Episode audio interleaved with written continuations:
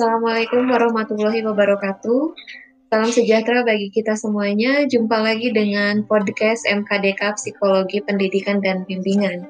Kali ini materi yang akan dibahas yaitu tentang jenis dan implementasi bimbingan bagi peserta didik. Kami berharap topik ini akan menarik perhatian dan menjadi bahan diskusi bagi para mahasiswa. Baik, di hadapan saya sudah ada narasumber yaitu Ibu Dr. Ana Hafina MPD. Bagaimana kabarnya Ibu? Alhamdulillah. Siap ya Bu untuk menyampaikan topik tentang jenis dan implementasi bimbingan bagi peserta didik? Insya Allah. Saya punya panggilan khusus untuk mahasiswa yaitu good learner. Halo good learner, semoga semuanya dalam keadaan sehat, bersyukur, bahagia, dan semangat untuk belajar. Istilah bimbingan dan konseling semakin akrab ya di telinga para mahasiswa karena mereka sudah memahami tentang pengertian bimbingan dan konseling secara tepat. Selanjutnya, bagaimana jenis-jenis layanan bimbingan dan konseling bagi peserta didik? Baik, good learner, jenis-jenis layanan bimbingan dapat dibahas dari dua dimensi, yaitu dimensi komponen layanan dan bidang layanan. Oh ya, bagaimana Ibu dapat menjelaskan tentang jenis-jenis layanan berdasarkan komponen layanan dan berdasarkan bidang layanan? Berdasarkan komponen layanan, layanan bimbingan dan konseling bagi peserta didik dikelompokkan menjadi layanan dasar, layanan responsif, serta perencanaan individual. Berdasarkan bidang layanan atau kontennya dapat dikelompokkan menjadi bidang layanan pribadi, bidang layanan sosial, bidang layanan belajar atau akademik, dan bidang layanan karir. Baik, Bu Ana. Bagaimana Ibu menjelaskan masing-masing layanan yang didasarkan pada komponen layanan? Baik, good learner, saya akan menjelaskan dahulu tentang layanan bimbingan konseling berdasarkan komponennya. Pertama, layanan dasar merupakan bimbingan yang bersifat preventif dibutuhkan oleh semua peserta. Kegiatannya berupa bimbingan yang diberikan kepada seluruh peserta didik melalui pengalaman yang terstruktur dan tersistematis atau pelaksanaannya terjadwal. Layanan dasar bertujuan untuk mengembangkan kemampuan menyesuaikan diri yang efektif pada peserta didik sesuai dengan tahapan dan tugas-tugas perkembangannya, sehingga mereka dapat berkembang secara optimal. Misalnya, bimbingan keterampilan mengelola waktu untuk belajar dan kegiatan sehari-hari. Kedua, layanan responsif merupakan layanan bimbingan yang bersifat kuratif, membantu peserta didik tertentu saja yang menghadapi masalah atau kebutuhan tertentu. Layanan responsif bertujuan untuk membantu peserta didik menemukan solusi sehingga dapat mengentaskan masalahnya dan mengembangkan dirinya. Misalnya, bimbingan atau konseling untuk membantu peserta didik atau konseli yang menunjukkan gejala sering bolos, berperilaku agresif, atau mungkin juga prestasinya rendah, dan banyak lagi yang lainnya. Ketiga, layanan perencanaan individual merupakan layanan bimbingan yang bersifat promotif, diberikan kepada seluruh peserta didik melalui kegiatan yang sistematis dalam merencanakan masa depannya berdasarkan pemahaman terhadap kelebihan dan kekurangannya, serta peluang dan kesempatan yang tersedia di lingkungannya. Layanan perencanaan individual tujuan agar peserta didik memiliki pemahaman tentang potensi dirinya, potensi lingkungannya, dan perencanaan masa depannya, baik dalam bidang pribadi, sosial, belajar, dan karir. Misalnya, bimbingan untuk merencanakan pemilihan program studi, ekstrakurikuler, mungkin juga eh, bimbingan untuk menghadapi berkeluarga, menghadapi bidang pekerjaan, pengembangan karir, dan sebagainya. Kita lanjut ke layanan bimbingan berdasarkan bidang layanannya. Bagaimana Ibu menjelaskan tentang hal ini? Layanan bimbingan bagi peserta didik dilihat dari layanannya atau mungkin juga kontennya e, bisa jadi juga disebut uh, bidang apa uh, masalahnya terdiri dari empat bidang layanan yaitu bidang layanan pribadi, sosial, belajar atau akademik, dan karir. Baik good learner, berikut saya akan menjelaskan tentang setiap bidang layanan yang telah disebutkan tadi. Sepertinya, kalau sudah saya jelaskan, kemungkinan good learner pernah mendapatkan layanan bimbingan itu, baik itu layanan bidang pribadi, sosial, akademik, maupun karir. Nah, kalau begitu, apa yang disebut dengan layanan pribadi? Baik, sambil saya menjelaskan, silakan putar memorinya tentang bimbingan yang pernah diperoleh waktu di SMP, SMA, atau di SMK. Ada yang masih ingat? Atau mungkin yang berkesan? Iya. Yang pertama, layanan bimbingan bidang pribadi dirancang untuk membantu peserta didik menguasai kompetensi-kompetensi pribadi agar dapat memahami, menerima, mengarahkan, dan mengaktualisasikan dirinya. Selain itu, diharapkan peserta didik dapat menyesuaikan diri dan mencari solusi untuk mengatasi kelemahannya. Misalnya, mengembangkan konsep diri yang positif, percayaan diri, mengelola emosi, cara mengambil keputusan, atau bimbingan yang lainnya. Lalu kalau layanan bidang sosial? Ya, baik. Yang kedua, layanan bimbingan bidang sosial. Nah, dalam hal ini ada konsep yang menyatukan dan ada yang memisahkan antara layanan bidang sosial dengan layanan bidang pribadi. Namun demikian tujuannya sama saja.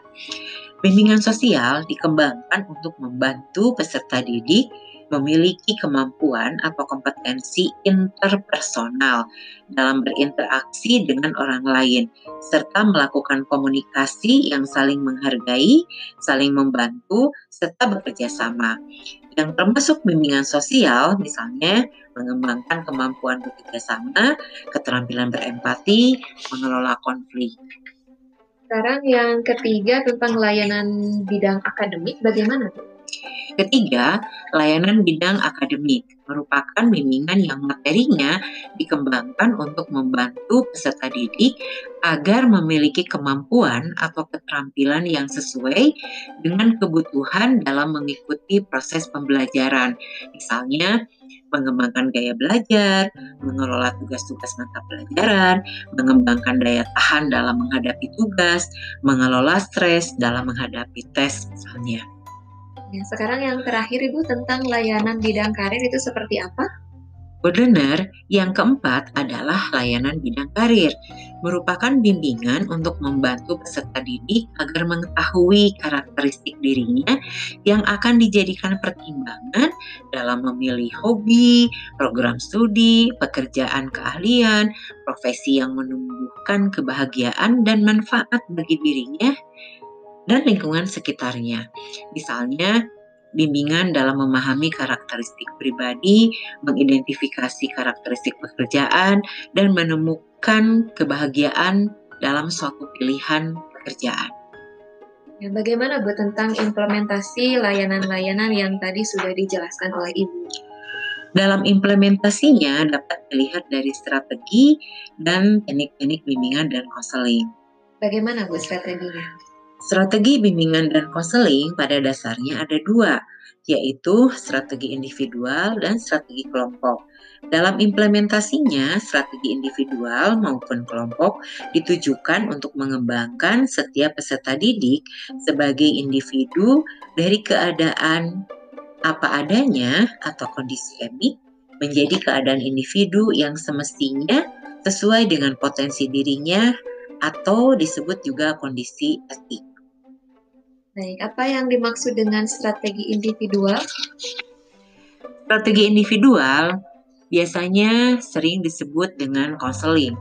Konseling merupakan suatu hubungan antara pemberi bantuan yang terlatih dengan seorang yang mencari bantuan atau konseli. Bantuan yang diberikan berupa keterampilan dan penataan suasana yang membantu konseli agar dapat belajar untuk berhubungan dengan dirinya sendiri dan orang lain melalui cara-cara yang lebih tumbuh dan produktif. Dilihat dari komponen layanan, konseling termasuk pada layanan responsif yang bersifat kuratif. Lalu bagaimana bentuk kegiatan konseling?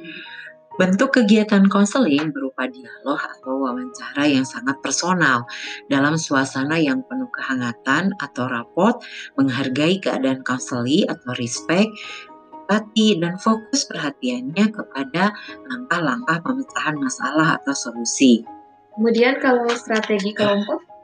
Strategi kelompok menurut saya definisi bimbingan dan konseling yang saya jelaskan tadi dengan jumlah siswa yang lebih dari satu yang menjadi khas dari bimbingan dan konseling kelompok adalah siswa belajar dari siswa yang lainnya atau di antara mereka saling belajar satu sama lainnya. Strategi ini dibagi dua, ada bimbingan kelompok dan konseling kelompok. Nah, kalau begitu, apa bedanya antara bimbingan kelompok dan konseling kelompok? Perbedaannya dapat dilihat dari beberapa aspek. Pertama, tujuan dan fungsi. Bimbingan kelompok bersifat pencegahan dan pengembangan pribadi. Kalau konseling kelompok bersifat pemecahan masalah pribadi. Dilihat dari jumlah anggotanya. Bimbingan kelompok antara 2 sampai 15 orang. Konseling kelompok antara 2 sampai 7 orang. Nah, bentuk kegiatannya bimbingan kelompok berupa permainan instruksional, konseling kelompok berupa transaksional, yaitu menuntut kesediaan konseli dan konselornya untuk melakukan konseling. Dilihat dari karakteristik anggotanya, bimbingan kelompok bersifat heterogen dan juga homogen. Sementara kalau konseling kelompok homogen. Peran pembimbing dalam bimbingan kelompok sebagai fasilitator dan dalam konseling kelompok sebagai konselor. Nah, dilihat dari suasana interaksinya, bimbingan kelompok suasananya pencerahan dan pendalaman. Sementara konseling kelompok bersifat afeksional dan emosional. Nah, teknik yang digunakan dalam bimbingan kelompok sifatnya lebih kepada sosio-edukasional. Sementara dalam konseling kelompok psikoedukasional. Dari materinya, bimbingan kelompok bersifat umum dan tidak rahasia, sementara konseling kelompok berkaitan dengan masalah pribadi dan mungkin rahasia. Nah, terakhir dari frekuensi kegiatannya. Bimbingan kelompok dilaksanakan sesuai dengan tingkat pemahaman peserta didiknya. Kalau konseling kelompok sesuai dengan tingkat ketentasan masalahnya. Baik, bagaimana bentuk kegiatan bimbingan kelompok, Ibu? Bimbingan kelompok kegiatannya berupa bimbingan yang aktivitasnya dalam kelompok kecil, yaitu 2-15 orang. Atau bisa juga dilaksanakan di kelas yang terjadwal secara sistematis dengan materi yang sifatnya preventif dan promotif. Contohnya materi keterampilan belajar, perencanaan perguruan tinggi. Ada juga aktivitas di kelas besar yaitu terdiri dari pesertanya terdiri dari beberapa kelas. Sifat materinya advokasi atau informatif. Contohnya advokasi tentang cara menghindari perilaku bullying, bahaya merokok, dan bahaya narkoba. Bagaimana dengan bentuk kegiatan konseling kelompok? Konseling kelompok Anggotanya antara 2 sampai 7 orang, bersifat pemecahan masalah atau kuratif. Contohnya resolusi konflik, kesulitan dalam menghadapi mata pelajaran, dan hal lain yang sifatnya uh, mungkin sangat pribadi dan uh, rahasia. Baik, Ibu, dalam strategi bimbingan dan konseling, apakah ada media dan teknologi yang digunakan? Betul. Dalam melaksanakan strategi bimbingan dan konseling, ada faktor media yang membantu pelaksanaannya. Dalam konseling individual biasanya dilakukan secara face to face, tapi dalam kondisi penggunaan teknologi bisa saja seperti misalnya dalam kondisi uh, pandemi seperti ini dimungkinkan menggunakan teknologi baik itu teknologi audio mulai dari telepon misalnya kemudian juga visual bisa video call atau mungkin juga menggunakan uh, beberapa Eh, media yang sekarang sering digunakan ya untuk berkomunikasi. Bisa juga melalui tulisan, apakah itu misalnya dalam media atau sosial media yang tentu saja harus memperhatikan privatisasinya dengan segala kelebihan dan kekurangannya dari teknologi-teknologi tersebut. Baik, bagaimana penggunaan media dalam bimbingan kelompok? Dalam bimbingan kelompok, terutama untuk sasaran layanan yang lebih banyak, dapat menggunakan teknologi komunikasi berupa audio, visual, dan media yang lebih luas jangkauannya, seperti media sosial atau fasilitas pertemuan melalui internet, atau berupa tulisan seperti papan atau mading, leaflet, text banner, atau media tulisan lainnya. Ya, terima kasih banyak Ibu atas kesempatan untuk membahas tentang jenis dan implementasi layanan bimbingan dan konseling bagi peserta didik. Semoga para mahasiswa dapat memahami secara sistematis ya. Semoga dengan penjelasan tadi, para mahasiswa dapat lebih memahami tentang jenis layanan bimbingan konseling bagi peserta didik yang dibahas berdasarkan komponen layanan, bidang layanan, strategi, dan media yang dapat digunakan dalam pelaksanaan layanan bimbingan dan konseling. Nah, semoga para mahasiswa sebagai calon pendidik dapat mengetahui dengan lebih jelas tentang layanan bimbingan dan konseling secara benar dalam perspektif yang tepat sehingga tidak menimbulkan salah persepsi. Jika nanti menjadi guru dapat mengambil posisi dan peran yang tepat untuk bekerja sama dengan guru BK dalam memberikan layanan bimbingan dan konseling kepada peserta didik. Terima kasih kepada Ibu Ana Hapina sebagai narasumber dan sampai jumpa dalam podcast berikutnya dengan materi yang berbeda. Assalamualaikum warahmatullahi wabarakatuh. Waalaikumsalam warahmatullahi wabarakatuh.